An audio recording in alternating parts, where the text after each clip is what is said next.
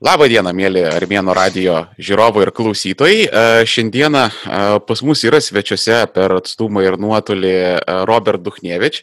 Aš jį kuo įžaliausiai pasivogiau iš Laurino Šedvydžio ir sekmadienio varietė. Čia, man atrodo, praeitą savaitę liktai epizodas su jumis išėjo. Taip. Aš pasiklausiau, man patinka uh, dalykai, kuriuos Robertas šneka ir nu, greit įvesiu į temą, kas jisai toks yra. Tai uh, jisai šiuo metu yra socialdemokratas, kandidatuoja medininkų vienmandatė, jeigu neklystu, taip. Uh, jūs dabar dirbate tautinių mažumų departamente prie vyriausybės ir uh, dar jūs esate Vilniaus rajono savivaldos narys, uh, savanoris ugnegesys, šaulys, uh, kažką praleidau, teisininkas profesionalus berots. Tai aš teisininkų tai dirbu valstybiniam sektoriu. Kiek profesionalus nežinau, bet, bet dirbu būtent šį darbą. Na, va, tvarka. Tai žodžiu, Robertas štai va toksai yra žmogus. Ir pačiai pradžioje aš tiesiog noriu įspėti, mes čia išsibandom naują techniką, naujus įrašo būdus, tai gali būti e, iški su garso kokybė ar vaizdo kokybė, tai jeigu ką atleiskit. Tai Aš praeitą mėnesį, Robertai, buvau su, susijungęs su uh, Vytautu Baku ir mes mhm. kalbėjomės apie policiją. Ir mes kalbėjomės tokia tema, kad uh, uh, kodėl Lietuvoje uh, policija yra pasitikima, bet nėra palaikoma. Ir mes palėtėm policijos reformos klausimą ir jeigu aš suprantu, Vytauto pozicija yra tokia, kad ta reforma nebuvo gerai iki galo įvykdyta, bet, nu, svarbu, kad kažkokia buvo ir e, yra gerų dalykų, yra blogų dalykų, bet e, jūs, kada su Laurinu šnekėjotės, jūs e, palėtėte rajonų klausimą kad rajonuose policininkavimas yra kur kas kitoks negu didžiuosiuose miestuose. Ir labai di reforma pas mus žodis yra toks biški trigerinantis, toksai. Rimtas toks žodis, jo. Jo, iš, iš karto, kaip išgirsti ten išsilavinimo, švietimo reformą, tai iš karto taip. Uh, ir tipiškai, ką reiškia reforma, grinai pagal faktą Lietuvoje reforma reiškia iš viršaus kažkas nuleido Excelį, tu jį teisingai užpildai ir reforma yra padaryta. Ir mes uh, gyvenam dažnai tarp dviejų šizofrenijų. Arba mes viską centralizuojam žiauriai, Arba tada mes viską decentralizuojam. Ir tada gaunasi dvi problemos. Kada viskas yra pernelyg e, centralizuota, tai tada tokia atsiranda indiferencija teikiamos paslaugos. O kada labai uh, decentralizuota, tai tada klausimas gaunasi, kas stebi stebėtojus. Ne? Ir uh, vat, kaip Jūs manote, kodėl mes galim, negalim normaliai? Visa, kodėl mes negalim ten, kur reikia centralizuoti, centralizuokime, ten, kur veikia decentralizacija, decentralizuokime. Vat Kaip, kaip jums atrodo? Vėlgi, aš, aš manau, kad, ta prasme, mums trūksta tos plačios diskusijos ir jeigu grįžtant prie to policijos, pavyzdžiui, e, žmonėms kartais gal yra tai sunkiau suprasti, ar gal, gal, gal ta tema nebūna tokia gal įdomi, nes mes matome, kad, na, tas e, vėlgi reitingai pasitikėjimo policija ten kyla, bet klausimai, kaip klausimas, kaip tos apklausos yra vykdomas ir pagal ką yra sprendžiama dar. E, galbūt tai yra tikslas kokius tos pačius ugnegesius aplenkti. Taigi čia yra skirtingos institucijos. Irgi policijos departamentas turi viešųjų ryšių skyrių, kurio darbas yra padaryti, kad įvaizdis būtų geras. Tai, bet nu, kiek, kiek tai lemia, kad gyventojams yra gerai nuo to, Čia yra kitas klausimas. Tai vėlgi, tos pačios reformos tikslas, kaip suprantu, buvo kaip uh, optimizuoti tą pačią struktūrą, kad sumažinti galbūt nereikalingą pareigūnų skaičių, tą biurokratinį ir panašiai, efektyvinti tuo pat metu darbą, o kartu pakelti algas e, tiems dirbantiems žmonėms. Bet ne viskas tikrai buvo taip gerai, kaip e, atrodo, nes dabar mes matom kietas mašinas, daug komunikacijos, selfies Instagram ir panašiai. Bet e, mano nuomonė, kad iš regionų taip policija nutolo. Nesakau nieko apie policiją, kuri veikia aukščiausių lygmenių, galbūt ten irgi yra kažkokių spragų, bet kai mes turim tokį lietuvišką FTB, žinot, e, tai yra Lietuvos kriminalinės policijos biurą ir panašiai, turim specialiųjų operacijų rinktinę ARAS, taigi policijos struktūrinis padalinys, jie tikrai savo darbą iš, e, atlieka gan profesionaliai. Bet jeigu e, mes kalbėsime apie tos smulkius kasdienius dalykus, kurie paliečia eilinį gyventoją, tai va kažkoks ten įvykis, ten eismo ar panašiai, vagystė prie namų, kažkokia smulki, tai mes matom kad aibė kitų tokių tyrimų yra nurašoma ir mums nereikia net kažkokių ypatingų statistikų mums tik reikia pabendraut su žmonėmis pažiūrėti į dabartinį pavyzdžiui karantiną kai buvo. Ir mes matom kad socialiniuose tinkluose net yra aibė tokių pranešimų kad pas mane dingo kažkas pavogė kažkas kažkam kažką sumušė panašiai. Ir iki galo tyrimai nėra normaliai atliekami. Tai reiškias egzistuoja tas toks nurašymas jų nes jie mhm. nėra reikšmingi ar panašiai. Tai dabar jeigu mes grįšim kodėl taip yra tai po tos policijos reformos aš pabrėžiu visada kad e, buvo tokie žalingi keli momentai. Visų pirma tai pradėkim nuo to kad socialinio dialogo su profsąjungomis pareigūnų nebuvo išvis. Ir buvusi policijos vadovybė, vėlgi aš paminėsiu, reforma tai prasidėjo, kai dar uh, vadovų policijos buvo premjeras Saulis Karnelis. Taip. Bet jis greit išėjo ir tiesiog atėjo nauja policijos vadovybė, kuri gal pagal savo matymą tęsė tos darbus. Aš tai mhm. sakau, kad jie truputį, aš kairiųjų mąstymų žmonių, kairio politinė ideologijos kairiosios žmogus, tai e, truputį pakritikuosiu. A, atėjo tokie labiau deš, dešiniųjų pažiūrių žmonės, kurie mane, kad reikia būtent taip, kaip jiems atrodo daryti. Ir dialogas su profsąjunga nebuvo jiems reikalingas. A, mes matėm, kad buvęs dabar jau a, vidaus reikalų ministras Eimutis Misiūnas po to jau bandė tą situaciją glaistyt, net bažnyčioje susitikinėjo, tarsi su profsąjungiečiais ir su policijos departamento atstovais, kad kažkaip tą dialogą sukurti. Bet jau nepavyko. Tai kadangi į pastabas profsąjungos ir taip pat kai kurių dirbančių kolegų iš seniau nebuvo e, atsižvelgiama, mes turėjome tokią buldozerių stumimą reformą, kuri įtakoja, kad policijos komisariatai teritoriniai kurie turėjo ir kriminalinį, kriminalinį ir viešąją policiją. Jie dabar turi universalius policininkus, aš vat, vadinu juos, sakau, robo, robokopais tokiais savotiškais, nes jie turi dabar ir iki teisminį mokėt pradėti, ir, reiškia, ir eismo įvykį pamatot ir panašiai. Tai tas tiesiog labai daug funkcijų sugula į vieną žmogų. E, ir mano nuomonė, kad tada efektyviai tikrai negalima atlikti visų darbų. Kitas dalykas yra vėlgi, kaip mes e, mikroklimatą toje institucijoje kokį padarėm. Tai e, pavyzdžiui, buvo tikslas, kad ten viduriniai grandžiai pareigūnų, tai yra nuo e, inspektoriaus, tai yra karinis leitenanto laipsnis, kai ateina padaryti tokią fiksuotą algą, kad jau būtų didesnė, pavyzdžiui, pradžia turbūt buvo 700, po to augo. Mhm. Bet koficijantas tas e, tarnautojo statutinio neleido tai padaryti. Tai reiškia, buvo taip, ateina žmogus, jam duoda tą algą plus priedą. Ir ta, bet tada jo alga tampa tokia pat kaip žmogaus, kuris dirba toje struktūroje 15 metų ir 10, nes jis už stažą gauna.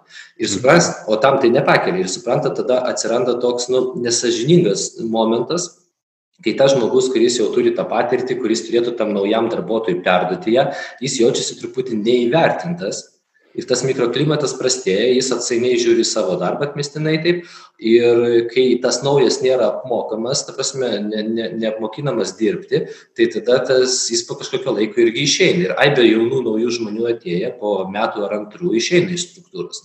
Tai vėlgi mes jau artėjam dabar, mano manimu, prie tokio catch-all principo, kad jau imsim, ką tik, ką tik matysim. Tasme, tu pabaigęs papildomai aukštą įsilavinimą, išlaikai kursus ir vėlgi ateini į tą sistemą.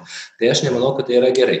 Ir didžiausias tas peilis buvo, mano nuomonė, ta pati reformos pradžia, kai mes e, e, nuovadose dirbančius apylinkės inspektorius ir nepilnamečių reikalų pareigūnus panaikinom šitą reformą.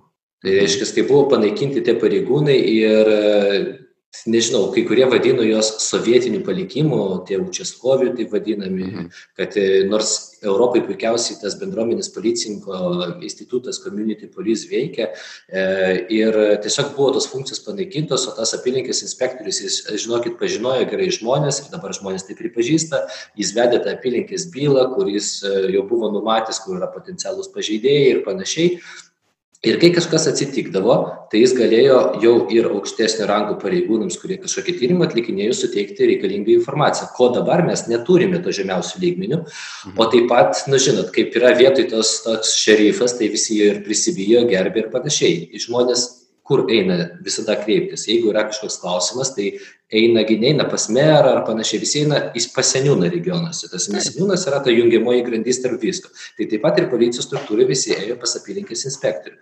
Dabar kai jo neliko žmonės truputį nežino kur kreiptis. Skambina bendruoju pagalbos telefonu ten išklauso kažkiek litanijų ir panašiai bet mhm. kas? Ir nieko iš to nebūna. Analogiškai mes panaikinom nepilnamečių reikalų parei e, pareigūnus tuos Lygtai sakė, kad funkcijos beje šitų visų pareigūnų perduotos ten grupėms ir panašiai, bet e, taip nebuvo.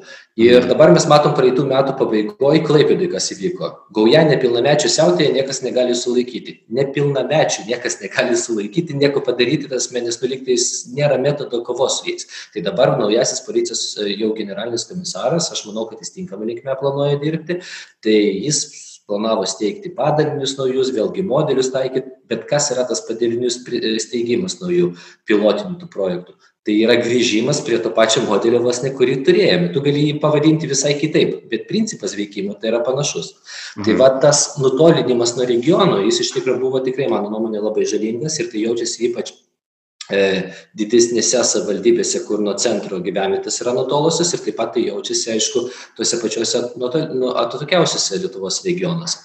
Ir ta višnė ant torto tai buvo jau, kai policijos nuovadų pastatus, kurie dar buvo likę policijoje, praeitais metais irgi pabaigoje tiesiog buvo jų atsisakyta, nes atsait brangų išlaikyti buvo ir panašiai. Ir tiesiog e, atsisakė, perdavė, turbūt ten, nežinau, turtų bankui, kada greit savivaldybės pasiemė tą turtą, o dabar jau vidaus reikalų ministrė irgi suprasdama kokia yra situacija kalba kad policiją reikia grąžinti arčiau žmonių. Ką aš ne vieną kartą akcentavau ir komentarus rašiau spaudoj. Ir ta prasme sako kad reikia kažkur juos irgi ta prasme grąžint patalpint bet patalpint jau nėra kur tai automatiškai reikės prašyt seniūnijų dabar pastatų patalpų ar panašiai. Mhm. nu kad kažkur kabinetą kokį gaut. Tai va tai skuboti skuboti tokie sprendimai aš nematau kad jie buvo atneš būtų atnešę kažkokią didelę naudą sakau tas nutolinimas centralizavimas yra ne ne visai tikslingas dalykas Mm. O žiūrėkit, jūs minėjote tokį žodį nurašomi, nurašomi tyrimai ir panašiai. Ką tai reiškia nurašomas?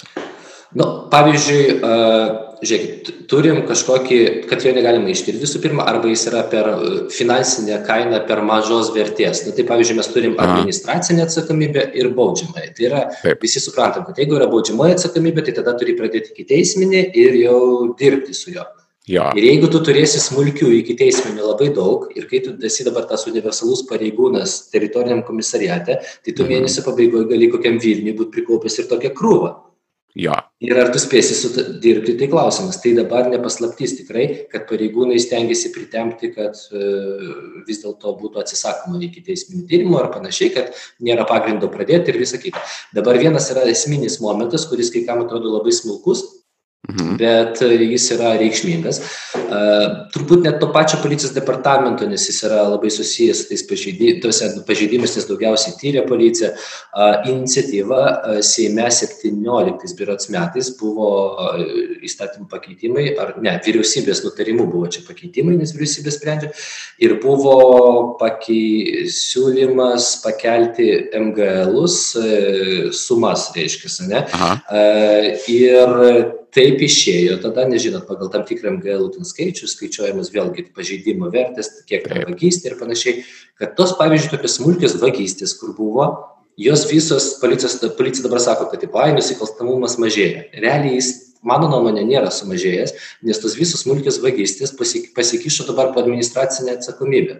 Persikvalifikuoja tiesiog dalis nes, nes sumos realios yra panašios bet kadangi padidinom ta prasme ta, jas, tas, tos MGLus tai mes skaičiuojam kitaip. Ogi žmonės kurie yra nu kaip pasakyt profesionalūs smulkūs vagysčiai ne vienus metus nugi irgi moka skaičiuot Taip. Mes žmogus apskaičiuoja, kiek man apsimoka galbūt ar pavogti, ar kažką ten, ta prasme, ar panašiai, tiesa, kad nebūtų tas baudžiamas atsakomybės. Ir vėlgi, kiekvienas po to, e, vėlgi, kai pradedam tyrimą, pareigūnas sėdė, aha, ką man čia reikia, nes aš ir taip daug darbų turiu, jis irgi žmogus, jis irgi apkrautas, galvoja, nu čia tas telefonas kainuoja tiek, nu ar tiek, jis jau panešiotas, nu, pavyzdžiui, pas moterį rankinį pavogė kažkas, sako, ai, tai pas jūs ten panešiotas tas jau telefonas, senas, pažiūrėkit, kiek jis ten gali kainuoti. Nu, gal jo kaina ir didesnė, realiai. Ir taip žmogus jis nesulaukia sulaukia iki galo, ta prasme, to grįžtamojo ryšio pagalbos iš policijos. Bet ta policija nėra dėl to kalta, nes nu struktūra yra tokia. Dabar mes optimizavom, pavyzdžiui, sumažinom tikrai labai smarkiai pareigūnų skaičių ir pareigūnų trūksta. Nu vis dėlto nei mašinos niekas nepakeis žmogaus. O klausyk, o kur mes padėjom uh, tuos pareigūnus, va, jeigu mes juos sumažinom? Ar jie išėjo į pensiją, ar jie buvo perkvalifikuoti, kur jie dingo? Nu, tai tiesiog, aš kaip suprantu, su tais jau vyresniais, tai buvo gražiai taip atsisveikinama, tas ir pensijos ir panašiai.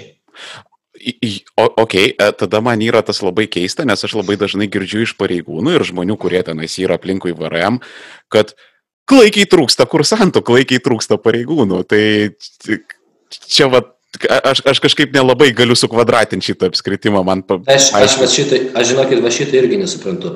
Nes jeigu yra tokia labai jau, kaip pasakyti, padarytas geras PR'as ir mes matom, kad struktūra yra simpatiška ir, kad, tipo, kietus uniformas, mašinos, naujas, viskas, tai man atrodo, kad žmonės turėtų eiti liktais čia dirbti, nes nėra blogai ir, tarsi, tikrai eiti dirbti policiją yra garbingos pareigos ir, ir visų pirma, tokie ir įgaliojimai, ir, ir, ta, ir tas uniforma puošia žmogų, tai žmog, tai, ta prasme, ir socialinės garantijos neblogos, tas turėtų lygtais būti, mm. bet aš sakau, man atrodo, kad tas mikroklimatas yra suprastėjęs ir aš bendrauju su jaunais irgi žmonėmis, tiesiog jie nemato perspektyvų kai kurių.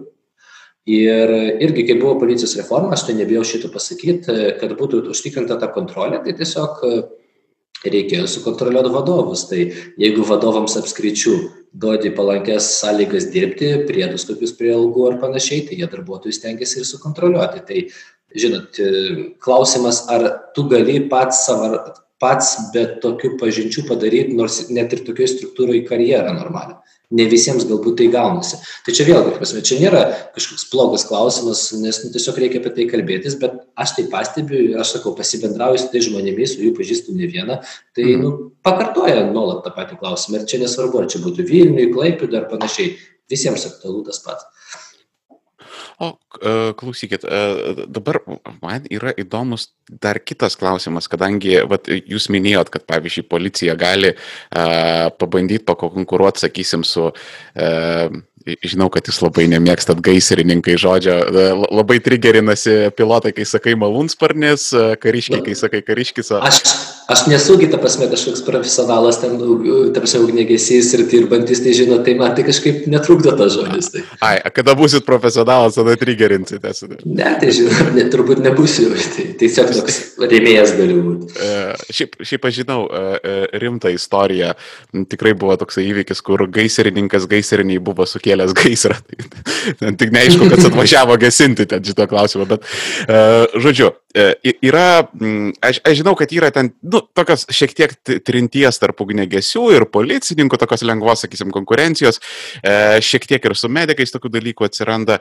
Ir um, šitos struktūros ir, nu, paimkim dar ten kai kurias struktūras, kurios yra VRM, sakysim, Ir nebūtinai VRM, ten VSD, STT, FNTT, žodžiu, yra daugybė įvairiausių struktūrų, pavadinkim ten teisės saugos jėgos ar dar kažkokių struktūrų, kurios dar dalyvauja civilinės saugos visoje sistemoje bendrai. Ir čia dabar Aušra Maldeikienė yra kažkada išdavusi valstybės paslapti literaliai, kad valstybės auditas, padarė, valstybės kontrolė padarė auditą ir Seime pateikė pažymą, kad, na, nu, iš esmės Lietuvoje tokios kaip ir nėra civilinės saugos, ta prasme, žodžio, nuo žodžio apskritai ir nuo žodžio visai. Ir dabar jūs kaip šaulys, dabar mes gyvenam pašonėje su rytų kaimynė, kuri kartais mėgsta padaryti ten įvairias geopolitinės eskapadas ir panašiai.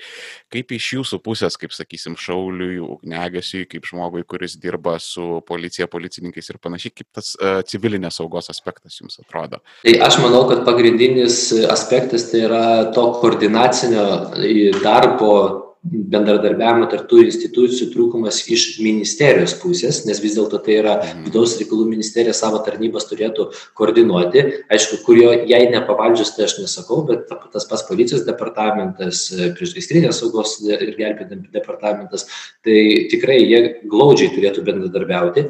Ir E, kadangi vidaus reikalų ministerija atsakinga, tai turėtų būti kažkoks, nu, kažkokias gairės ir jų dabar, mano nuomonė, yra trūkumas. Šiaip darbo organizavimas pačių institucijų, tai ten didelių priekaištų nepasakysim, sakau, bet tas skėtis, kuris turėtų būti virš jų, va čia aš pasigendu kažko.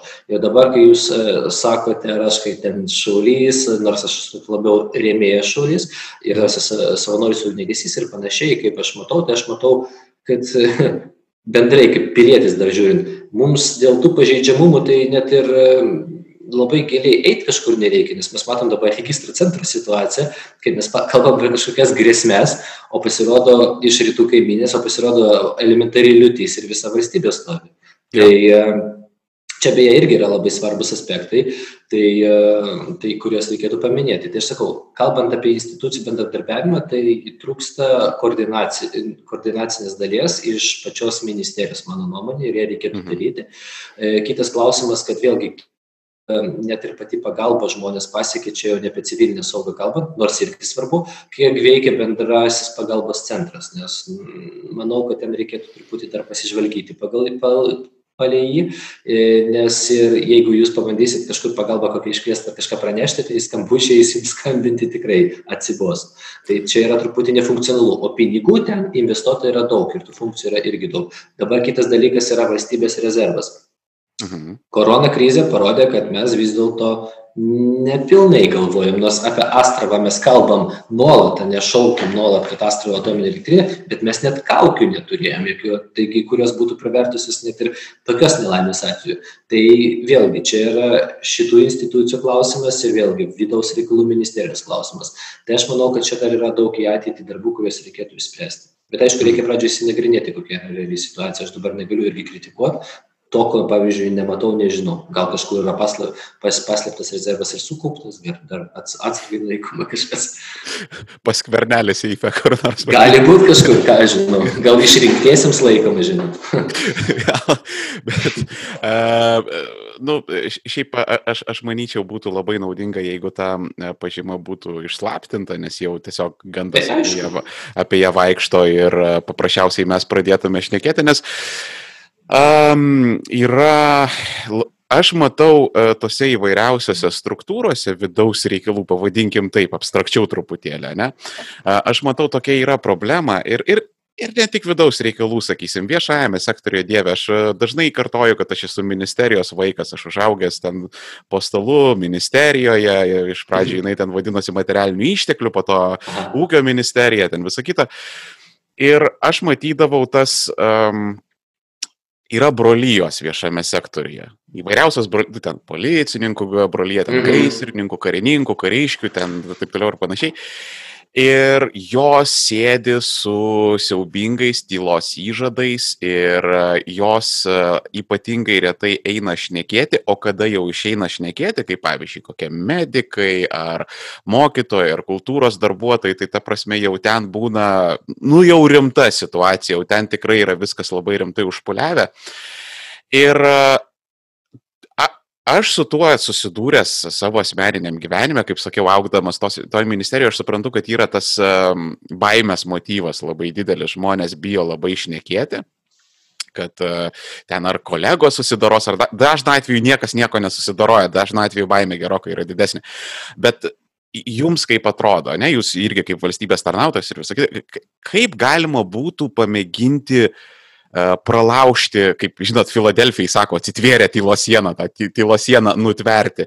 Nes, va, to, to, tokią dar vieną įterpsiu remarką, va, pavyzdžiui, man labai patinka, kai, sakysim, Amerikoje yra policininkai, kurie yra aktyvūs policininkai, tarnaujantis visą kitą, ir jie eina ir protestuoja prieš karą, prieš narkotikus. Va, tokie mhm. dalykai, ne? Lietuvoje aš nežinau, ar ne, Man atrodo, būtų skandalinga, jeigu išstotų koksai nors policininkas ir pasakytų, kad aš nepritariu baudžiakui už kaseką, va, tarkim. Tai kaip jūsų nuomonė va, būtų galima tai? Tai aš pasakysiu, kad turbūt čia yra dar per silpna mūsų ta demokratija tokia ir mm. valdininkai, valstybės tarnautojai net nereikia čia imti statutinių, kuriems atsakomybė yra ta griežtesnė ir jie negali jokiai politiniai veikloje dalyvauti ir panašiai. E, čia irgi skirtumas yra tas, nes e, labai apribotas markiai yra tai. Tai jie tiesiog prisibijo dėl to, kad yra pas mus nu, kaip, nepopuliaru kalbėti apie kažkokias pažiūras, protestuotų, turi išlikti nešališkas ir panašiai.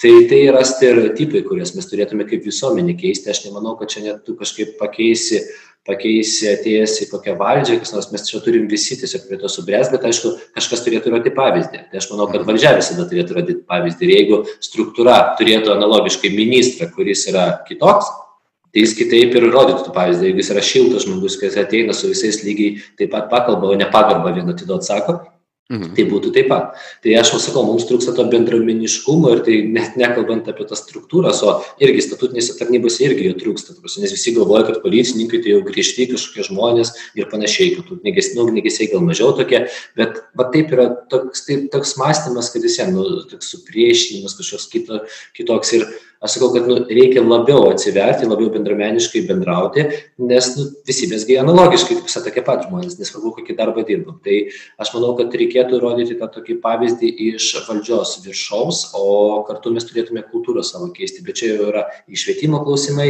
ir pačios kultūros politikos klausimai kaip mes bendrai žiūrim į valstybę kaip žiūrim į žmogų ir panašiai nes dabar aš matau tai tokį skurdų kultūrinį valstybėj nes visi jeigu kalbant apie vat pradėjom kalbėt apie kultūrą tai jeigu visi kalbėsim kad kultūra tai yra tiesiog va kokia daina šokiai ar panašiai bet kultūra tai yra išvis tavo gyvenimo būdas.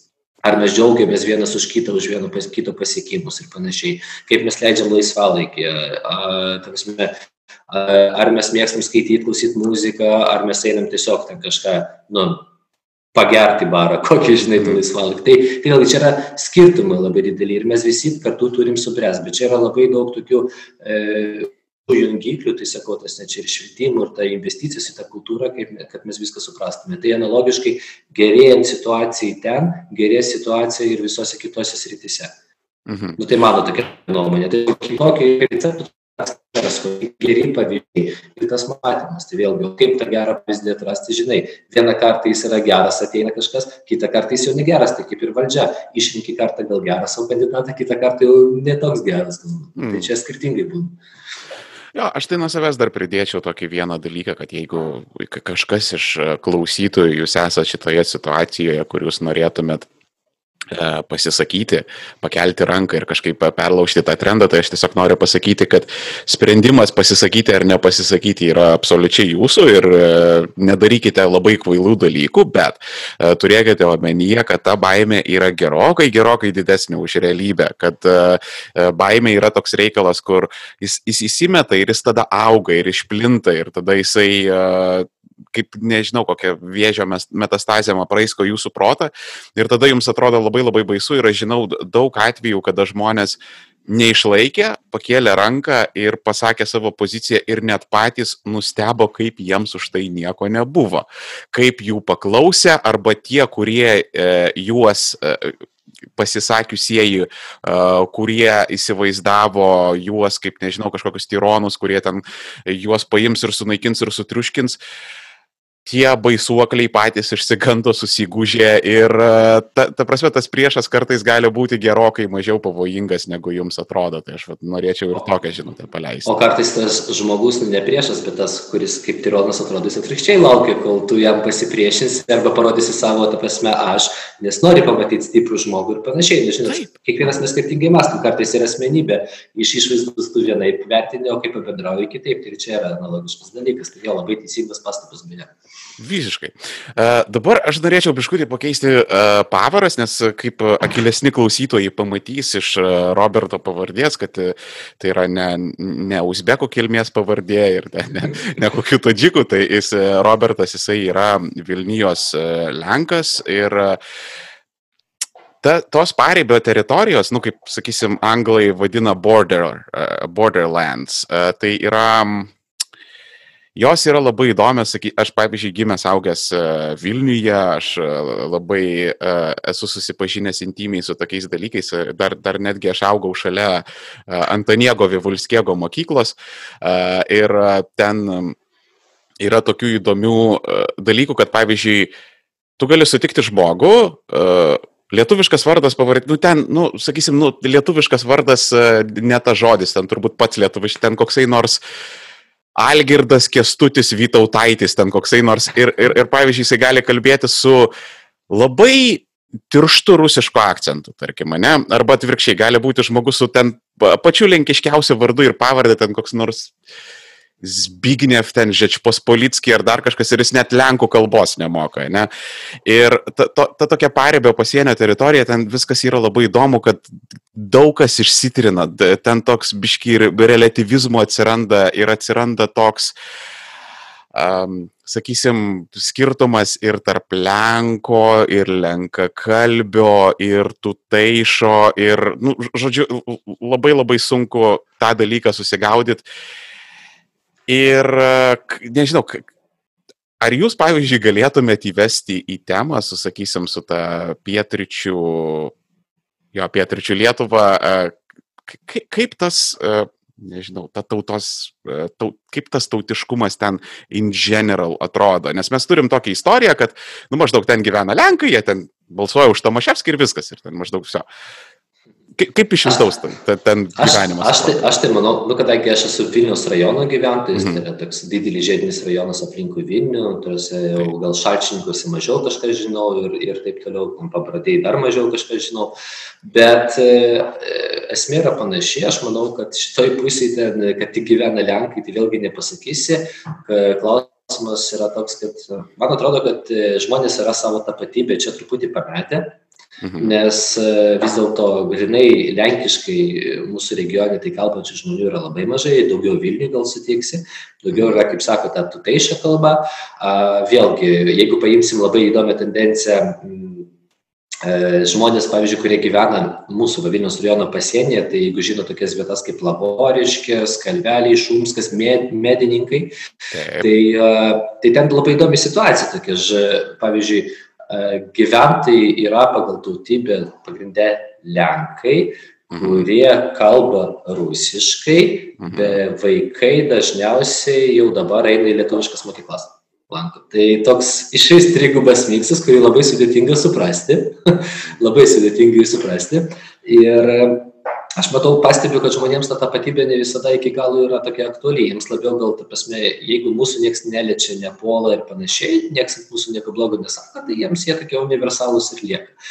Bet kitas dalykas, vėlgi, kaip yra politika formuojama. Tai nes įvaizdis yra toks, kad jau ne vieną dešimtmetį šitam krašte visai, visoj Vilniui, tai Lenkų rinkimų akcija vadovaujama Valdemaro Tomaševskio valdo, valdo tą regioną ir žmonėms iš kažkur iš toliau iš Lietuvos atrodo, kad čia jau taip, čia yra tik lenkiškas kraštas, kuris pavaldus Tomaševskijui ir tarsi tas Tomaševskis daro tokį įvaizdį net, pripažinkim. Tai yra visai kitaip, aš manau, kad jau tą pavyzdžiui ta nestruktūruota partija jinai nėra iš tikrųjų tas tautines mažumas atstovaujanti partija nes realiai mes matom net vyriausybėj dabar jokių sprendimų dėl rūpimų klausimų nėra priimama nors buvo ir protestuojama ir beldžiamasi anksčiau kad va čia tautines mažumas reikia priimti ten įstatymą leisti pavardes rašyt originaliai ir panašiai Bet mes matom, kad dabar nieko dėl to pati valdančiai, valdančiai dauguma esanti partija nedaro. Tai va yra vienas dalykas ir aš manau, kad iš kažkada tautiniu pagrindu susibūrusios partijos kuriai susiburti beje leido bendranacionalinės partijos, kurios labai mažą dėmesį gal skiria tinkamai tautinėms mažumoms ir šitam ypač regionui. Uh, jinai iš tokios partijos tapo ilgainiui valdžios partija, kuri per administracinį aparatą tiesiog viską valdo. Ir mes va turim tokią problemą. Čia jie nenori manęs išklausyti, nenori pripažinti, sako visada, kad nusišneka, bet žinai, atvirai galima kalbėti. Ašgi nieko blogo nesakau nei ant tų žmonių, kurie yra valdžioje, nes žmonės galų galia kažkaip jas ten išrenka, bet pasakyti tas pastabas yra privalu, nes e, administracinis aparatas nuo A iki Z yra totaliai užvaldytas. Tiesiog tai yra mhm. labai mhm. keista, nes yra labai... Tai čia mokyklos, darželiai, poliklinika, žodžiu. Taip, ir tai šiais laikais atrodo labai kažkaip taip, nu, nedemokratiška, net žinokit, prasme, nes kai tu nerandi vietos, jeigu tu esi kitų pažiūrų ir tavęs tengiamas išgūti, tai nu, kažkur ten Komskis pas save pagėgėsi panašiai turbūt kažkada darė, gal dar yra kelias savivaldybės. Bet... Šiaip jo, aš esu girdėjęs apie savivaldybės, kur žmonės iš armatūros per galvą gauna. Jo, tai gali būti kažkas tokio, žinai, bet čia, kadangi yra didelė savivaldybė žiedė, 103 tūkstančiai gyventojų ir čia Taip. tik deklaruovusių gyvenamą vietą, o jeigu mes paimsim tų, kiek dar nedeklaravę, tai gal 125 kokie bus ar panašiai. Tai mes jau lenkiam vos ne Panevežė, jau kaip didmišio statusą, tai gali savivaldybė gauti, žinai, jeigu tai bendrai paėmus. Tai uh, iš tikrųjų ta problema yra ir man jinai nelabai, labai nepatinka, dėl to aš kažkada ir atėjau į tą aktyvią politiką, tai buvo mhm. perversmas man, nes uh, tiesiog aš esu viet, vietinis Lenkas irgi iš čia kilęs ir pasme, tas susijimas su Tomaševskiu ir panašiai, tai man yra labai neskanus, nes visų mhm. pirma net mūsų pažiūros politinės nesutampa, nes nu, Lenkų rinkimų akcija yra tokia labiau krikdemiška, galbūt partija aš pavadinčiau, nes socialiniais klausimais tai daug kas sutampa, yra tos pažiūros tokios, bet žmogaus klausimais tai yra jau vėl kitoks mąstymas. Tai vien šita dalis jau pas daug, kad nesutampa ypač pas jaunų žmonės, bet tas administracinis aparatas, kaip sakau, kuris yra užvaldytas, jis yra tiesiog sukuria galimybę taip paskatinti žmonės eiti balsuoti norom, nenorom, ten, kad, taip, pasakyti, kad kam, kameros kažkur yra įmontuotas balsavimo kabinos ir visi tave mato. Jo, tu pasme, kad tave ten po to, žinai, be darbo gali likti ir panašiai. Paskatinti seniūnus ir aš tikrai seniūnus labai suprantu, kai žmogus dirba ir tuose pasijai atvažiuoja partijos lyderis ir sako, kad į tavo vietą yra raibė kitų žmonių, kurie nori dirbti, eik agituok arba išeik ir panašiai. Tai, žinot, kiekvienas žmogus, tu pasme, tada jaučiasi nesaugiai. Tu pasme, Bet yra didžiausia problema, kad tokia valdymo struktūra, kur jinai bebūtų, jinai duoda žalą e, ir nesivysto tiesiog žmonės ir negali produktyviai dirbti. Dėl to, kad jeigu tu mokyklai pradedi varyti tokius dalykus arba į kokius protesto akcijas, mitingus, kviesti žmonės varyti priverstinai, tai tada tie žmonės pradeda taip atseniai ir dirbti. Tai mes tada galvojam, kaip įdarbinti mums palankų žmogų, bet mes nepritraukiam proto kažkokį, mes nepritraukiam bendruomenės tokių žmogaus artimų. Ir aš žinau, pavyzdžiui, kai a, mano pažįstamas jaunas žmogus norėjo darbintis, sakysi, kokią mokyklą, bet jam tiesiog buvo durys uždarytos, kad kažkokio laiko visai kitas žmogus į panašias pareigas. Ir, bet jis buvo palankus tiesiog tai partijai, gal valdančiai, jis labai didelę pridėtinę vertę tai struktūrai, tai bendruomenį mokyklos. Tai va tai mane labiausiai žaidžia ir kad mes a, skaičiuodami politinius dividendus pradedame skaidyti žmonės į savus ir nesavus. Ir, ta prasme, aišku, sakys valdžia, kad taip nėra, bet taip yra. Jeigu, pavyzdžiui, čia yra nauja kuriai lietuviai kažkur vienoj pusėje, mm. tai automatiškai mes jiems ribojam galimybę turėti ten darželis valstybinė kalba, nes kad jie nedeklaruotų čia gyvenamųjų vietų, kad jie nebalsuotų, tada vėlgi kitiems oponentams galiu pasakyti, tada atsiranda pagrindas iš kitos pusės kitiems dešiniesiems mobilizuoti balsus čia šitoj pusėje, tada kyla tas vėlgi konfliktas. Tas tautinis pagrindas tai yra toks pasenęs, tai pasme, nu, pasenusi, tai visai tokia pasenęs metodas to konflikto kūrimo, bet jis vis dar veikia prieš hmm. rinkimus labai palanku, ta prasme, to konflikto metu sumobilizuoti balsus. Tai va, tai labai, labai norisi, yra tokia šviesa tunelio gale ir tai keičiasi, bet aišku, čia reikia aktyvumo labiau ir, prasme, kažkaip išlaisvinti žmonės iš tos baimės. Aišku, reikia hmm. įgalinti juos labiau dalyvauti ir savivaldybės valdyme, nes savivalda pas mus bendrai Lietuvoje yra labai silpna aš manau kad turėtų galbūt ir aišku čia reikėtų konstitucinio pakeitimo atsirasti dvipakopė savivalda a kur jau galėtume rinkti ten ir seniūnus seniūnaičius rinkti ta prasme ne seniūnaičius o seniūnaičių tarybas tas atskirai nes dabar tas institutas yra nelabai veikiantis seniūnaičius dažniausiai valdančioji partija sustato ir sprendimus ne iš apačios Ta prasme, mes priimam, o iš viršaus numetam ir jie yra patvirtinami. Tai va, tai mums reikia tos šitam regione ypač e, savarankiškumo didesnio ir tokio savivaldos, kad žmonės galėtų truputį persijungti tą valdžios aparatą. Hmm. Man atrodo, aš nežinau, patvirtinkit ar paneikit, bet man atrodo daug kas juda į pozityvėją pusę, nes dabar didžiosios partijos pradeda jau kreipti dėmesį į Vilnijos kraštą, nes anksčiau toks, nu, tarkim, iki kokių gal 16 metų rinkimų, čia anegdotiniai mano pastebėjimai, jūs ten pato patvirtinsit ar paneiksit, bet anksčiau man tai rodėsi, kad į Vilniją ir tą pietų ryčių Lietuvą žiūrėdavo, nu, kaip į kažkokią pripetę, ne, ten, vat, kažkas ten yra, vat, grubiai išnekant, ten yra tas radioaktyvus Tomaševskis, uždarykim viską po sarkofago Ir pamirškim, ta prasme, jeigu reikės, e, mes e, su Lenkų rinkimų akcija ir ten Rusų alijansu ir ten mes susitarsim ten, žinai, nes e, žmonės pragmatiški, kaip rodo ten politinė patirtis ir viskas bus ok, bet tiesiog, vat, numeskim dar periodiškai ten struktūrinių fondų, bet tiesiog, vat, uždarykim už sienos, izoliuokim ir tiek to ir palikim. Ir dabar man toks jau jausmas ypatingai nuo 16 metų rinkimo pasijuto, kad tarsi tuo metu liberalų sąjūdis dar jie ten nebuvo taip išsiskaidę, lygtais kažką tarp naujakurių bandė, socialdemokratai ten lygtais, vat, ir nežinau, ar, ar jums atrodo, kad jau lyg tos sienos pradeda lūžinėti? Kaip, kaip jums? Čia vėlgi, e, jeigu atvirai mes kalbame, aš manau, kad vėlgi priklauso nuo žmonių, aš esu linkęs atvirai taip kalbėti, priklauso ar į tam tikrą politinę struktūrą ateina tiesiog uh, žmonės, kurie yra linkę tai keisti. Aišku, kartais sutampa aplinkybės, aš manau, kad dabar tiesiog paskutinį laikotarpį tapo populiaru kažkur kalbėti apie santykius, čia nekalbant apie regioną, o apie santykius mūsų su kaiminė Lenkija. Ir taip pat dėl to būtent aš galvoju, kad Andris Kubilius, pavyzdžiui, kuris uh, uždarė savo premjeravimo laikų tautinių mažumų departamentą ir išeivijos, beje, dėl ko užsienio lietuviai yra nepatenkinti, nes kurmė ta funkcija yra dabar, uh, kuris uh, gan konservatyviai labai žiūrėjo į tautinės mažumas, tai Andris Kubilius 16 metais tapo toks jau, nežinau, kaip Viktoras Uspaskikas dabar čakras atsivėrė gal kažkokius ir pradėjo sakyti, kad mums reikia čia santykius, šildyti viską, įsteigė gegužės trečiosios tą grupę ir nusprendė dalyvauti šalčininkuose rinkimuose, kad parodyti tą dėmesį. Viskas gerai, jeigu tikrai taip, bet aš kažkaip labai abejoju, aš manau, kad čia labiau dėl to tarptautinio tokio požiūrio buvo daroma. O vat, kai kurių aktyvių politikų dalyvavimas tikrai pastebimas, mes šalčininkuose, aš nekalbu dabar apie save, apie mane būtų toliau pakalbėsim, bet šalčininkas turėjom Juliją Matskevičią liberalę, ne, jeigu apie liberalus kalba, tai jinai savo laiku tikrai, kai atėjo, buvo gan matomas žmogus mhm. ir tikrai jinai ten tapo tokia opozicinė lyderė, e, kas šalčininkas tikrai yra labai sunku. Aišku, jinai iškovojo ir tarybos mandatą, gal liberalą ten du turėjo, tada jinai pradėjo jau keliauti linksėjimų ir panašiai. Ir aišku, ten prasidėjo tada jau galbūt klaida, kurios aš tikrai nepadaryčiau tai yra savo rinkėjo palikimas. Čia gali bet kas paslysti padaryti. Tai reiškia, kai buvo Seimo rinkimai, visi galvojo, kad čia lygius Masiulis vos ne premjerų tap 16 metais per skandalą. Va, ir Julija taip jau sutapo, kad buvo turbūt pirmininkų pavaduotoja net tam partijai, tada buvo toks labai daug piarinių akcijų, tokių paleista gerų, pripažinkim, liberalai piarą gerai ten išmanė. Ir, ir, ir jinai pasirinko vienmandatę ne šalčininkų, o ar tai panerių, ar tai naujininkų, kažkas tokio. Vilniuje.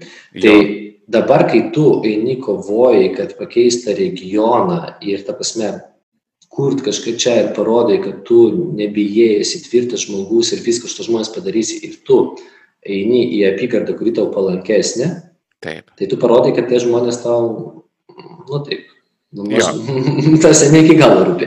Tai va čia buvo kritinė klaida, kuri, ta prasme, nukirto visą tą politinį kelią ir mm, klausimas, kaip bendrai požiūris liberalų tada atrodė tas tautinės mažumas ir man atrodo, kad yra požiūris dabar bendrai partijos. Aš ne apie pačią pažiūras liberalų kalbu, bet apie partiją. Aš sakau, kad pats uh, požiūris yra, tipo, ai, nu, mes nieko prieš, mes palaikom, bet ką mes padarysim, kad gerint situaciją, tai ir nėra jokių sprendimų. Tai vad, kai aš atėjau, pavyzdžiui, aš atėjau 2004 14 ir 15 pas socialdemokratus. Man daug nepatiko tai struktūra, iš tikrųjų atvirai pasakysiu. Socialdemokratai tikrai buvo gan tokia į neoliberalizmą pakrypę. Tai e, dabar, kai sako tikrai, kad kažkas mes ten į, į kairę per daug einam ar dar panašiai, mes tiesiog atsistojame savo vežes ir labai džiugu, kad taip atsitiko, kad kai kurie buvę kolegos mus paliko, tai tikrai ačiū jiems už tai galiu šiandien pasakyti, nes taip leido mūsų kai kuriems žmonėms atsiskleisti, leido atsiskleisti daug jaunų kairiųjų žmonių. Ir vienas iš mano tokių segmentų, vienas iš pagrindinių darbų, tai aišku buvo darbas su tautinėm mažumom, ir nu aš pamačiau kad būdamas net iš šono atėjęs kai tu neturi kažkokio imperatyvaus iš viršaus primetimo valdymo kuris aš manau buvo prieš tai pirmininkaujant buvusiam premjerui algirdui butkevičiui mhm. tai nes aš manau kad būtent dėl to dėl to tokio požiūrio ir tas regionas lenkų rinkimų akcija ir panašiai buvo atiduotas aš negaliu tai teigt galiu tik prielaidą daryt kad buvo politiniai susitarimai kurių metu kaip jūs ir minėjot buvo tiesiog sutarta mes čia nelendam jūs čia statykitės jūs čia dirbkit rinkit savo elektoratą, ateisit, laimėsit, busit gal partneriais ir panašiai. Tai čia yra politinis skaičiavimas, kaip tau turėti valdžią. Bet čia nėra skaičiavimas, kaip atstovauti žmonės.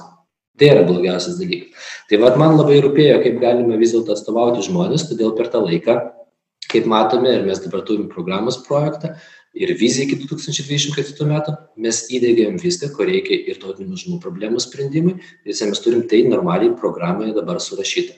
Ir niekas iš partijos net narių neprieštaravo, nors anksčiau tokių buvo daug, neprieštaravo, kad mes tą temą judintume ir būtent darytume taip.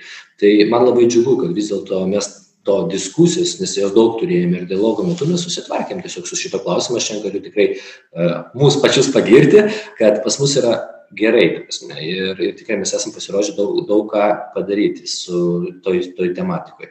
Nesakau, kad kiti ne, nėra, bet jie dar nėra praėję to etapo, nes kalbėti yra viena, bet pa, padėti užrašyti ant popieriaus ir planuoti įgyventinti yra iš vis kitas etapas. Tai Vilniuje aš pastebiu tikrai kaip pasakyt geras tendencijas nes bendrai jau požiūris žmonių yra kitoks bet tai reikia keistis vėlgi dirbant aš pavyzdžiui kai savivaldybės tarybos narys ir skyriaus pirmininkas vietiniai pastoviai stengiuos susitikt su gyventojais jeigu aš tik matau kad gyventojai kažkur o taip yra daug pavyzdžiui naujakuriai sako ai čia šita savivaldybė lenkų užvaldyta ten e, lenkų rinkimų akcija valdo tada jeigu jie taip skundžiasi aš bandau jau kažkaip tą konfliktą gesinti ir sakau palaukit tai yra valdžia nėra ta prasme kad lenkus valyt ar panašiai jūs su manim irgi bendraujat aš nesu lenkas ane mhm. tai bet mes šitas problemas padedu spręst tada žmonės kažkaip jo mes gal čia per daug karščiuojamės gal taip ir nėra. Bet kažkas vat nuolat stengiasi papildyt to žibalo į ugnį kad tas konfliktas kažkoks būtų. Ir jį gesinti yra labai sudėtinga tuo tarpininku būti. Ir ką noriu pasakyt kad tiems kas yra valdžioj pavyzdžiui tam regione ir savivaldybėj ir panašiai labai nepatinka kai kažkas bando taikyt tą situaciją. Tai mhm ne, ne taip be jokios abejonės, nes, sakysim, tautinis, tautinis konfliktas yra pati, kaip pasakyti, labiausiai, lengviausiai išnaudojama tema, ant to galima daugiausiai pasidaryti visokiausių divi.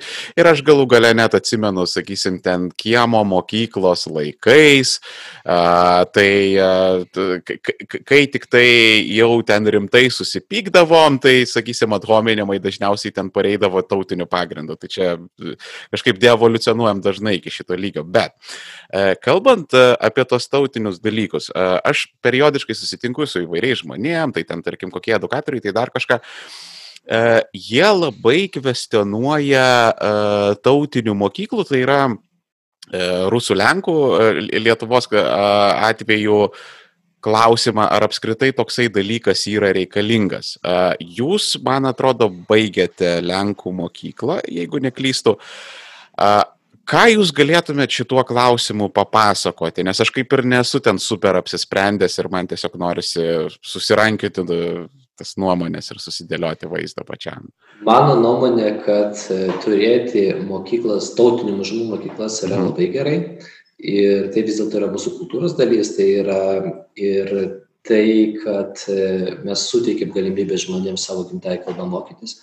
Bet e, vėlgi jos turi būti stiprios mokyklos, o nes įsteigtos šiaip, kad egzistuoti, nes e, pripažinkim, yra daug, bet na, aišku, ir lietuviška, bet aš žiūriu dabar tautinių mažumų mokyklas, yra daug tokių mokyklų, kurios yra tiesiog suklyjuotos, kad išlaikyti vėlgi ar tą daryti per mokyklos politiką ar panašiai, nes kai yra mokykla, tai tu tautinį tapatybę įsaugai, kai saugai tautinį tapatybę kažkaip, tai tu tada gali jau paveikti, kad, tipai, aš čia Lenkas ar Rusas ir va čia mums reikia palaikyti savus ar panašiai. Nu, čia visas tas tinklas taip ir veikia.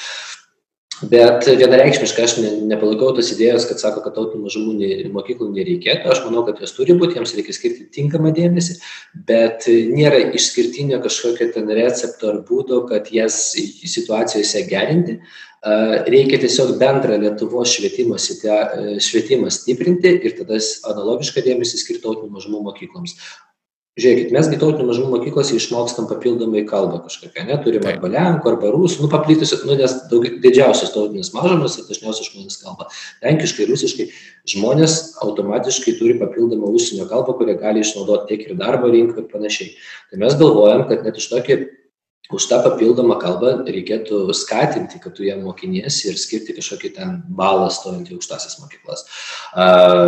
Dabar e, kas liečia valstybinę kalbą dėl ko dažnai kritikuoja e, moksleivius iš tautinių mažumų mokyklų kad taip nepakankamai žino mokyklinę kalbą. Tai aš galiu pasakyt kad ir iš lietuviakalbių mokyklų vaikai dažnai išeina jeigu pažiūrėsi kažkur regionuose kad nu labai mm. prastai rašyti išvis nemoka Tai e, ta problema yra bendrai nacionalinė, nereikėtų tik... Aš pastoviai YouTube komentarų skaitau, tai jo, aš labai. tai va, tai nereikėtų dėmesį kreipti tai vien, ta prasme, kokią, tu, kokią, kokią kalbą tu mokyklą baigęs, bet aš manau, kad reikėtų mhm. stiprinti tada tiek valstybinę kas be ko kalbos mokymą, tiek ir tos tautinės mažumos kalbos mokymą mm. reikėtų stiprinti, nes iš tikrųjų, pavyzdžiui, jeigu kalbant apie Lenkus iš vis, nes, nu, rusakalbiai žmonės aplinkoj jie dar turi išsaugoję nu ir savo subkultūrą tokią turi per seniau su sukurtą suburtą. Jie dažniau tą kalbą švarią naudoja o lenkų kalba jinai yra nu tokia žinot jinai yra tokia visiem ne vis ne vis ne visai ta prasme tokia švari mes ta prasme mažiau skaitom lenkiškai mes mažiau kažką ten žiūrim filmų ir panašiai nu beveik to nėra. Iki to dar yra tik augama ir galbūt sostinė vilnius gal Mhm. tik čia vat gyvenantys žmonės jau ta prasme kažkiek va yra labiau iki to daėję tai va tai aš vienareikšmiškai palaikau kad tautinių mažumų mokyklos turi būti. Mes turime puikų pavyzdį žydų mokyklos vilniuje į kurią visi veržiasi ane vaikus leisti. Ir ir mes matom kad kokybiškas švietimas įtakoja ne tai kad ir lietuviakalbiai žmonės lietuviai pagal tautybę nori stovi eilėse kad vaikai eitų į tą mokyklą. Tai aš Mhm. sakau tiesiog turėtų būti kokybė. Svarbiausia yra kokybė ir tinkamas dėmesys bet kuo daugiau įvairiom kalbom tautinių mažumų tų mokyklų ir panašiai tuo yra tuo yra smagiau ir tuo yra stipresnė mūsų valstybė mūsų daugiakultūrė valstybė ir mes prasme patys atrodom kiečiau toj bendroj tarptautinėj arenoj rinkoj ir panašiai Mhm. O tada toksai klausimas yra jums, čia pagal net jūsų specializaciją išeitų. Dabar mes turime e, didelę darbuotojų migraciją į Lietuvą, tai yra pagrindės rautai yra Ukraina, Baltarusija, dabar daugėja srautai Tadžikistanas, Uzbekistanas. Ir a, problema, a, aš, aš labai dažnai savo ten epizoduose pasakoju, kad a, 19 metais atvažiavo ten 66 tūkstančiai darbo migrantų ir taip toliau, dalis jų pasiliks, jau kažkurioje iš akmenių, dabar neatsimenu, naujoje ir senoje jau ten yra susikūrusi ir ukrainiečių diaspora. Ir a, man kaip ir kaip emigranto sūnui, man kaip ir emigracija nėra uh, pati problema iš savęs per se, aš tiesiog uh, žinau, kad kada pradeda rastis kažkokios ten diasporos užsieniečios, uh, natūralios trintis kyla. Visose tai buvo valstybėse, pas mus tai irgi bus. Ir dabar man toksai formuojasi klausimas, ar Lietuva yra, nes čia dar tokia viena remarka, aš nemanau, kad mes paprasčiausiai galim pasistatyti ten kažkokią sieną, kad mes paprasčiausiai galim užsidaryti ir neįsileisti darbo migrantų, nes e, mūsų kol kas e, ekonominė situacija yra tokia, kad dar mes esam žemos pridėtinės vertės valstybė, per naktį mes šito trendo nepakeisim, mums yra reikalinga darbo jėga, vėliau mes įvažiuosime į demografinę krizę, mums bus reikalingas vidaus vartojimas ir, nu, nelabai yra išeičių, tiesiog mano problema yra labiau apie tai, ne tai, kad tai vyksta, o labiau problema yra apie tai, kad dar mes neturim dialogo, nešnekam, ką daryti, kaip daryti, kaip pasirinkti. Kažkas už mus kažkur kažkokiuose departamentuose nusprendžia ir viskas. Va, ir e, jūsų nuomonė, e, jeigu, sakysim, tas e, trendas, sakys, e, tarkim, nesikeičia, ne, nu, ten dešimtim tūkstančių atvažiuoja kasmet, tarkim, ukrainiečių, baltarusių, nesigilinkim, gali būti norvegai, švedai, kas tik nori. Ar Lietuva bus pajėgi integruoti tuos žmonės į, nu, save? Prasme, Aš manau, kad Lietuva dabar yra nepasiruošusi tai tikrai padaryti, nes uh, tokia, tokios apimtis, jeigu sako 10 tūkstančių, tai yra labai didelės apimtis.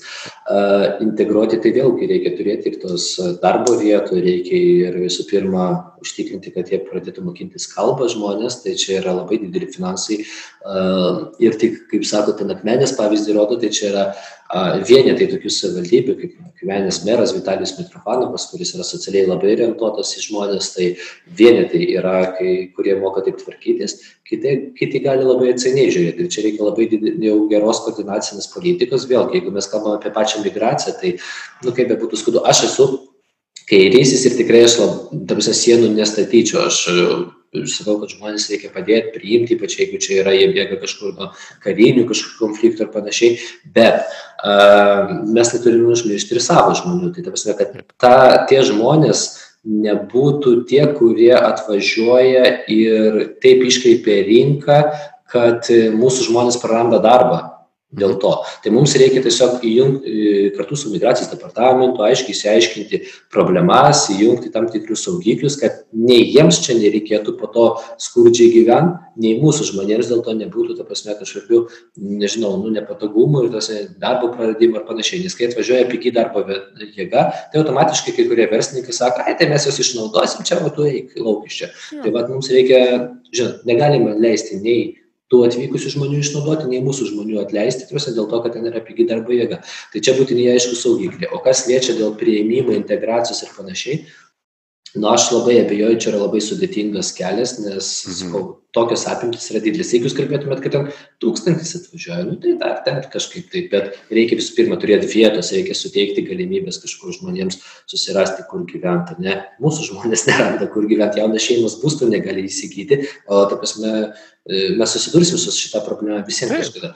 Tai dabar e, jeigu bus antplūdis didelis bet aš abejoju nes lietuva dažniausiai tampa toks laikina stotelė, ta prasme, kad langas į Europą toliau per Lenkiją, Vokietiją, dar kažkur ir, mhm. ir važiuoja. Tai Lietuvoje užsibūna labai retas kas. Bet ne faktas, kad ateityje ateity gali būti visai kitaip.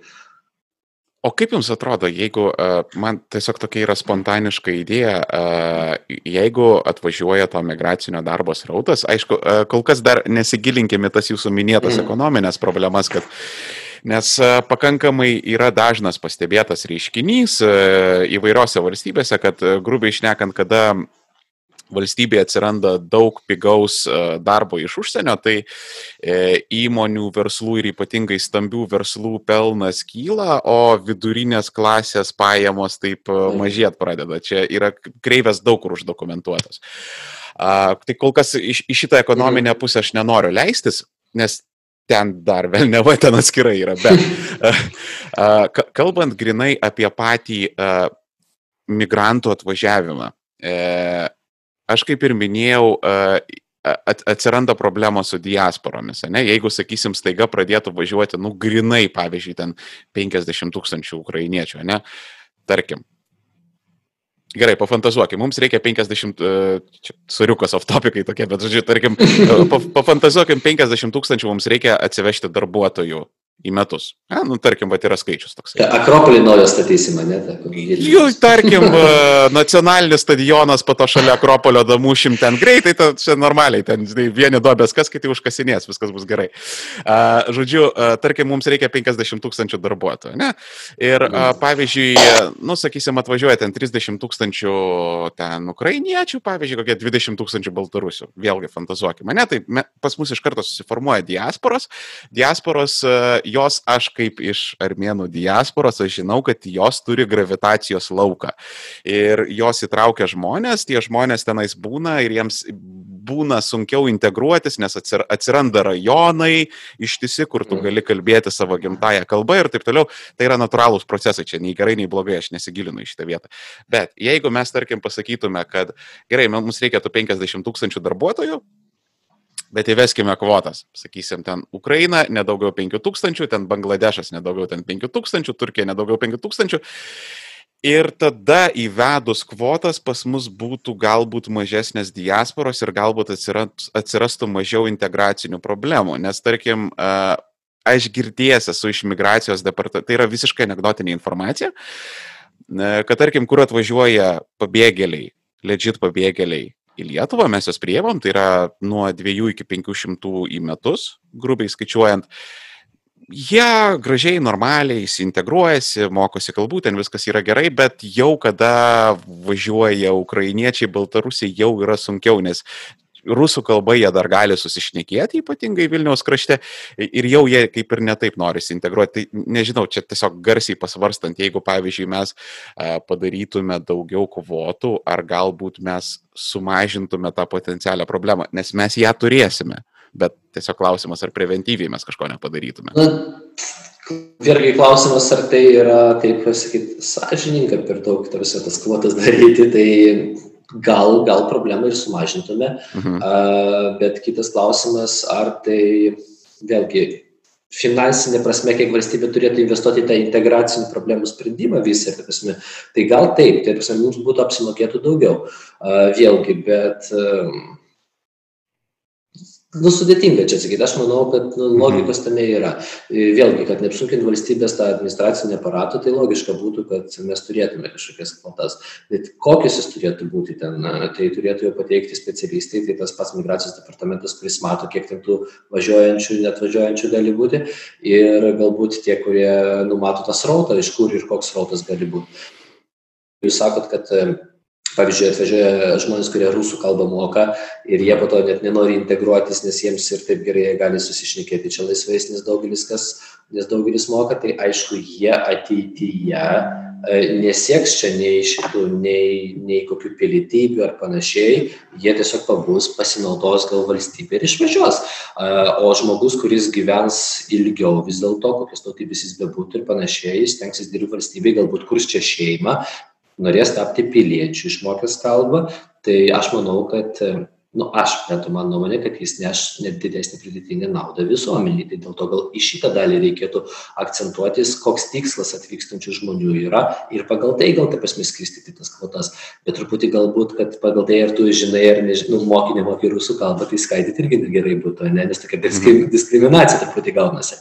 Ja, tai ja. nesąžiningai gal taip kažkaip jo. Nu bet apie kvotas kalbėti reikia. Aš manau kad jo čia logikos yra ir tik aišku koks tas dydis turėtų būti tai nežinau Mm. Nu, čia tiesiog garsus pasvarstymas. Bet lo logikos yra. Mm. O dabar žiūrėkit, e, pa, pabaigai tokį biški lengvesnio turinio nu, te, temą norėjau pakėdenti, nes e, čia, kai sakysim, jeigu kažkas nutinka Armenijoje, tai man iš karto ten suplaukia laiškų, žinai, papasakok, pakomentuok. Ir čia iš tos pačios serijos klausimas. Vat, pavyzdžiui, e, mes periodiškai ten su šeimynai išlėkėm tenais į, į, į, į Lenkiją užsitavorinti ir pris, prisipažinsiu, aš esu esu baisus e, flekų frikas ir mėgėjas ir taip toliau. Ir, ir, ir mes, e, tarkim, kai, kai kerti e, Lietuvos Lenkijos sieną, Ta prasme, kada važiuoji pro lasdyjus, tai vat, jo, lasdyje yra pripėtė realiai, ta prasme, tai yra net pagal kai kuriuos kult, to tokio kolukinio baroko namus, kai kuriuos tu net matai, kada sienos atsidarė, kada sustoja statybos konkrečiai. Mm. Ir aš, aš dar esu pakankamai senas, kad atsiminčiau tuos laikus, kada buvo sienos E, ir autobusais, nes tu tuo metu nebuvo, tai ten 90-ųjų galas, 2000-ųjų pradžia nebuvo jokių Ryanierų skrydžių, jokių pigių nebuvo, iki ten vos ne Lisabonos važiuodavom autobusais mes ir senais ten prieš tvaniniais Setrom ten 60 kilintų metų gamybos. Ir aš atsimenu tuo metu, kadangi buvo sienos uždaros, senos šmugelio tradicijos, tai lasdyjei ten kokios buvo mašinos, kokie namai, sienos atsidarė, tas regionas numirė, bet kitoje sienų, sienos pusėje, Lenkijoje, yra gyvybė. Ir tos gyvybės yra labai labai daug grinai tiesiog ekonomiškai pasižiūrė, ne, e, važiuoji, pavyzdžiui, tuo keliu ten iki nu, standartiniai lietuvių apsipirkėjimo maršrutai, ne, ten Augustovas, e, Belistokas, ten Suvalkai, ten panašiai. Tai vad, man grinai išoriškai kažkaip atrodo daugiau yra ten ekonominės gyvybės. Tai e, jūsų nuomonė, je, jeigu yra tas skirtumas, gal aš haliucinuoju. Man, man irgi taip atrodo, bet aišku, mm. čia yra gal bendra valstybės tendencija, nes vis dėlto didelė rinka, didelė valstybė ir tie žmonės, kaip bebūtų, nors ir čia yra pakraštys kažkoks, bet jie visiems atvažiuoja, važiuoja, Taip. migruoja per kažkur, tie patys lietuviai važiuoja į Europą per Lenkiją, nu pripažinkim, kai, kaip ir buvo ar uždaros sienos, ar atviros sienos dabar, bet vis vien landas į Europą mūsų čia toks savotiškas pagrindinis jo. buvo. Tai e, dėl to, kad ten visų pirma visiems ekonominės sąlygas leidžia pardavinėti viską pigiau, nes yra didelė rinka, jie viduje gali pigiau pardavinėti, tai mūsų žmonėms irgi yra ten pigiau apsipirkti, dėl to mūsų iškirpti palieka ne, ne vieną eurą, ne vieną lytą anksčiau palikinėjo, kad kažką nupirkti. Statybinės prekes, pavyzdžiui, pažiūrėkit, kiek žmonės, jeigu status ir tai mašinom veža būna kartais, nes jie gali viską susirankyti kažkokioj vienoj įmonėlį, labai daug visokiausių dalykų, pradedant nuo cemento elementaraus. Tai čia gi nesisiųsi iš aliekspreso cemento kur ta prasme kinijoj gali pigiau nuvažiuoji į lenkiją pasiimi pasižiūri ir viskas tai mhm. aš manau kad ta bendra ekonominė tiesiog situacija jinai nu lemia tai ir mes mes pavyzdžiui lietuvoj tokios neturėsime turime suprast nes mūsų yra per mažai tiesiog konkurencijos ir tai mūsų vienintelė pavyzdžiui išeitis būt labai konkurencingiems tai mums kurti kažką aukštos pridėties pavyzdžiui mums reikia startuolių kažkokių kažko tokio it sferoje technologijose tai kas galim kas galėtų būt naudinga ir labai brangiai kainuotų kad mes galėtume pirkti ir pavyzdžiui į rinką užsieny pardavinėt. O lenkija vat jinai gali iš tokių smulkių buitinių vietinių ūkių labai daug nemažai užsidirbti. Žmogus sau pragyvenimui užsidirba bet bendrai ekonomikai iš tų smulkių nemažai įplaukia. Nu tai bet čia yra jau didelės valstybės gal tas požymis kurį turi daug žmonių keturiasdešim milijonų vien gyvenančių lenkijoj tai žinot nu ką čia lygintis mums? Ta prasme tiesiog ta ekonomika yra tokia galinga Ir dėja taip yra, dėl to ir mūsų žmonės važiuoja tas ir tą maistą nupirkti kažkur, nu, ne šiaip savo. Jeigu mes turėtume bent jau konkurenciją tokią, kad dabar mm, padarytume kokius 9 procentus PVM maistui produktams, o ekologiškams nulį, pavyzdžiui apie ką mes kalbam irgi vat rinkimų savo programoj dabar tai e, nes tas poreikis visiem yra nes vidurkis europos yra dvylika berods mhm. procentų pvmas bendrai maistui tai e, tai mes irgi galėtume jau konkuruot labiau ta prasme žmonės jau nevažiuotų čia būt mūsų rinkoje Aš, aš manyčiau, kad Lenkijos e, pasienio tos, sakysim, suvalkų, balstogės, Augustovo smulkiai prekybininkai, tai Kubiliui ir Šimonytį turėtų paminklą tiesiog pastatyti. Aišku, turėtų. Ten, Aišku, ten... turėtų Bet ir be šitų dalykų, žinot, mhm. vėlgi ta pati Lenkija turi, Lietuva turi, bet ir Lenkija turi, čia yra užsienio, kaip valstybė gal įdomiau net kartais važiuoti, turi labai daug gražių lankytinų vietų, neturi pasienį kerti ir kažkur tu, jeigu pasigūglinsi, gali surasti aibę nu, tokių mielų vietų, pavyzdžiui, prie ežerų kažkokių ar panašiai. Mhm. Ten kokių laivelių paplaukioti ir visą kitą. Tai ten nuvažiuoti, tau kainuoja pigiau nei trakose savaitgalį praleisti, kodėlgi ne tu nueini į barą išgeri alaus kuris yra ten pigesnis suvalgai pigiau realiai reikia davažiuot o maistas yra irgi pigiau ir paslaugos tas yra pigiau. Tai dėl to žmonės taip truputį ir renkasi. Tai sakau prasme mums reikia tiesiog sudaryt viduj konkurencingesnes kainas galbūt čia mokesčiai tie nes nu sakau. Mhm. jūs teisingai sakot kubiliui šimonytei turėtų padėkoti dėl tam tikrų apmokestinimo dalykų. Aš, aš dar manyčiau, aš tiesiog esu prisiklausęs irgi keletų tokių a, anegdotinių dalykų, kad savo metu a, e, Lenkijoje, čia kalba yra 90-ieji, 2000-ieji, kad tose pasienio teritorijose buvo nemažai tokio keinsizmo projektų padaryta, nes, a, nu, sakykime, jeigu, pavyzdžiui, a, staiga jeigu staiga mes labai susirūpintume ten apie kontrabandą iš Baltarusijos Lietuvoje, ne, ir pavyzdžiui, labai staigiai apsaugotume tą sieną, tai mes tam tikrą prasme ten padarytume kažkokią socialinę nelaimę, ne? nes ten yra ekonomika apie tą kontrabandinį mm. biznį ir jeigu mes tuo metu nepasiūlytume kažkokios alternatyvos, kad uh, žiūrėkit, čia gal, gal jūs galit gauti ar nežinau, ar kažkokią subsidiją, ar dar kažką, ar mes galim palengvinti, ar ten sumažinti, ar kažkokią lengvą. Žodžiu, jeigu mes neduosim alternatyvos, tai tas regionas kaip kortų namelis tiesiog subirės. Ne? Ir pavyzdžiui, aš mano, uh, ana, nu, man tai atrodo, aš galbūt ir klys, man atrodo, tas būtent nu, nutiko su Lasdėjais, kuris yra a, po šiai dienai laikomas net probleminė teritorija oficialiai. Mhm. A, jisai va tai va įgriuvo. Kaip ir kontrabandos neliko, nes sienos atsidarė. Aš tai girdžiu, kad Žemaitijos kai kuriuose miestuose, kada labai smarkiai buvo Rusijos siena apsaugota, irgi nutiko panašių dalykų. Ir tiesiog gal Lenkijoje va tas pasitarnavo kažkokie, nežinau, keinsizmo projektai, bet čia tiesiog anegdotinė, čia ne tai, kad jūs turėtumėt sureaguoti, aš tiesiog ten pasidalinau anegdotinę. Gali būti savo laiku, kad tai buvo, žinot, galim tik spėti, bet mhm. jeigu žiūrint pagal dabartinės situacijos, tai teisinga ta pastaba galbūt dėl lasdy ir panašiai, vat, e, kaip visi sako, kad šalčininkai socialiai atsilikę ir panašiai, Taip. tai nuvažiuokim, pažiūrėkim, kaip minėjau, šalčininkuose žmonės neblogiausi. Labai daug gėlikų tenais ir emelų ir X5 važiuoja. tai, tai esmė tame, ir jeigu ta vat, siena su Baltarusija, vakar ir komentavau, yra labiausiai neapsaugota, nes jin yra mm. ilgiausia siena su mūsų, iš mūsų visų kaiminių, tai jeigu mes turime dar ir 80 procentų kontrabandos mes matome yra vežama būtent iš Baltarusijos, tai jeigu mes dabar staigiai užkirtam kelią, tai jo, aš manau, kad kai kurie mūsų gyventojai irgi labai pajaus šitą ekonomiką. Ir neslėpkim, rūkalų ir panašiai, maisto, net kai kurių produktų pasienio gyventojai, kurie tikrai skurdžiau gyvena, kai kurie atsiveža, tos aš nesakau tie, kurie kontrabandą vežioja, o mhm. tos žmonės, kurie turi visas ir pastovi vežioja. Jie atsiveža nemažai. Kai kurie specialiai, žinot, kadangi yra durnas reglamentavimas, pavyzdžiui, yra Vilnius rajonas ir yra tie punktai pravažiavimo visi, kur galima sieną kirsti, tai Vilniaus rajone nustatymas yra, kad tu gali ten tiek ir tiek alkoholio, pavyzdžiui, atsivežti, nu, net nežinau, kiek ten litrais dabar, bet jeigu tu esi deklaravęs gyvenamą vietą Vilniui, tu gali daugiau atsivežti, nes tu mhm. nepasienė gyventas. Nepasienė savivaldybės, bet dabar žiūrėk, Vilniaus rajonas yra pasienis, kur minėjau, medininkai, pavyzdžiui, yra Vilnius ir yra Vilnius rajono, va, neminčinė mano, ne?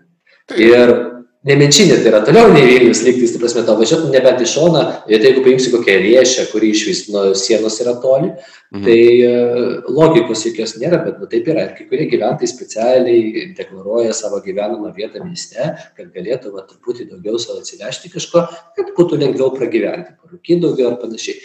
Tai, nu, va, tokie durnoki reglamentavimai, taip išeina, kad mes tiesiog savo žmonėms viduj kažko nesukūrėm, jie negali, negali turėti to, ko reikia, aš nekalbu apie rūkalus, bet apie maistą kažkokį ir panašiai, mhm. tai, tai, tai, tai reikia į tai atsižvelgti, o ne iš, geros, ne iš gero gyvenimo, kai kurie važiuoja paprastai apsipirkti į Baltarusiją kažkokią, ne, ar į Lenkiją ir, visą kitą.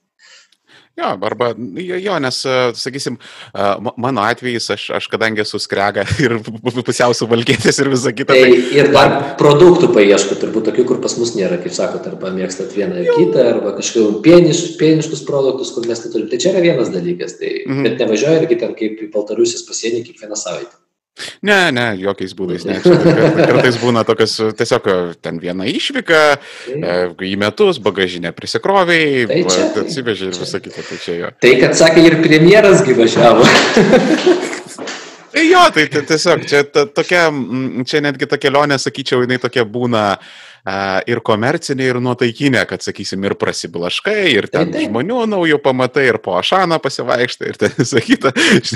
Ir ten, žodžiu, tai e, jo, tai...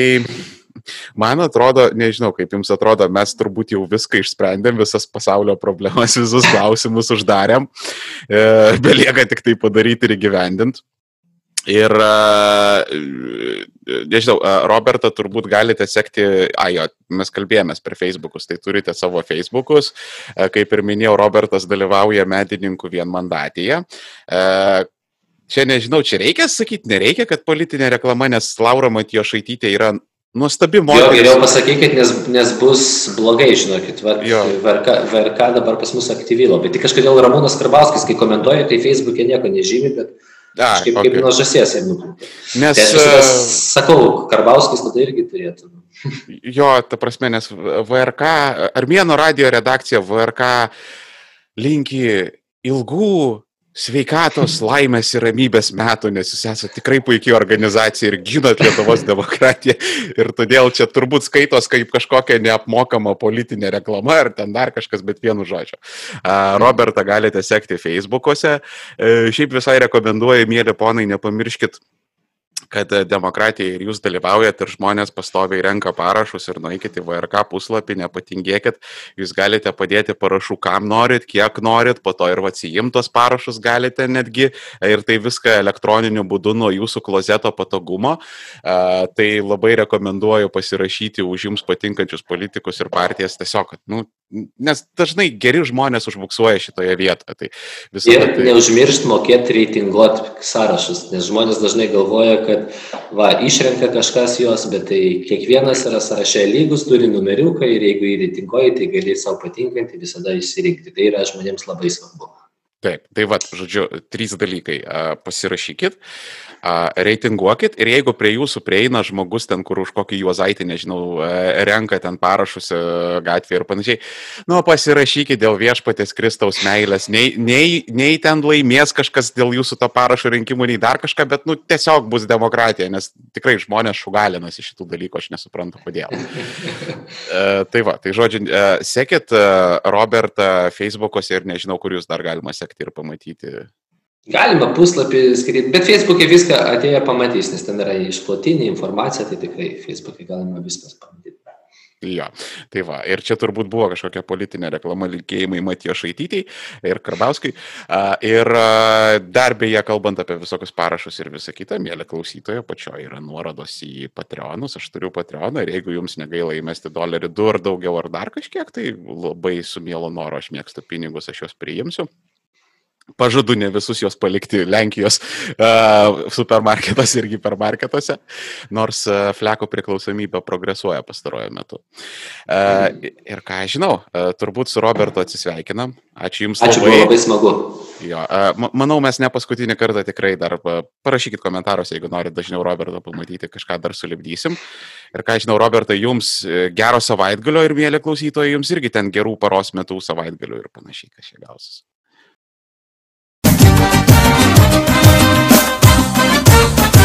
شبدبدشت شبدبدشت شبدبدشت شبدبدشت شبدبدشت شبدبدشت شبدبدشت شبدبدشت سیرناخچیک این چست لالیس این چست خورمانگالیس این چست لالیس